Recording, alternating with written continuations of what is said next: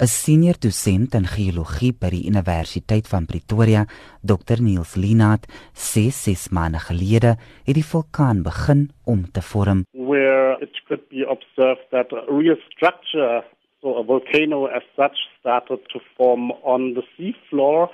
That took place roughly 50 kilometers off the coast of La Mayotte. La Mayotte is uh, French territory and basically belongs to the Comoros Islands that can be found between uh, the African continent and uh, Madagascar. Hy sê verlede jaar was daar 'n aantal aardskuddings in die gebied. It is known since roughly May of last year, so 2018, that there was ongoing seismic activity, so smaller earthquake activity uh, offshore of that island, uh, La Mayotte, which then continuously increased until uh, the end of the year when deflation took place. You could see that the southeastern part of the island was sinking into the sea for several centimeters. I think uh, 13 centimeters was measured with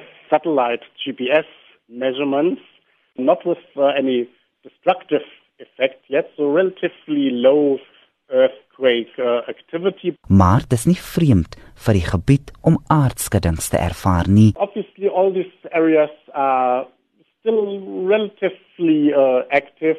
Usual plate movement there which is on the one hand related still to the movement of the East African Rift Valley. That's for instance where we have frequent earthquakes in the area of Durban, for instance, and from there spreading out uh, northwards.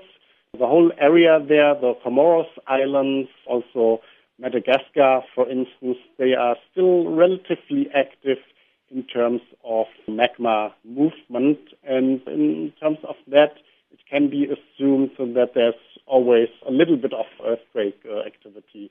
Wetenskaplikes weet nog nie wat verantwoordelik is vir die vorming van die vulkaan nie.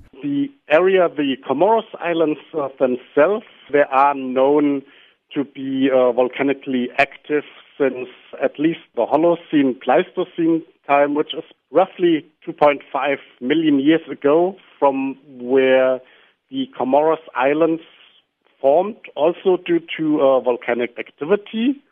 The reason for the volcanic activity there is also still highly debated. The most reasonable explanation is that it formed due to extensional forces uh, that took place while uh, Madagascar drifted off the African continent, similar to what we can see nowadays in the East African Rift Valley. Maar hoe groot is die vulkaan onder die see? Obviously, in such a short time, there was not an expedition to send a submarine or even a remote submarine there. So far, we know basically everything from sonar.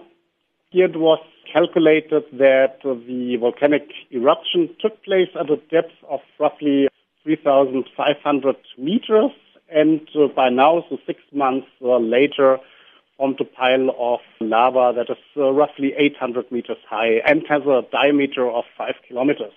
So it's uh, quite massive already. Linaat sê die gereelde vulkaniese uitbarstings kan 'n eiland in die volgende dekade skep. Not known how long the eruption will continue to carry on, how large the uh, resulting structure will be in the end, if indeed a new island will be formed that will uh, yeah, basically stick its head over the sea level and what eruptions may take place afterwards. Dit was Dr. Niels Linaat 'n senior dosent in geologie by die Universiteit van Pretoria, Jean Estreisen, SAICANIS.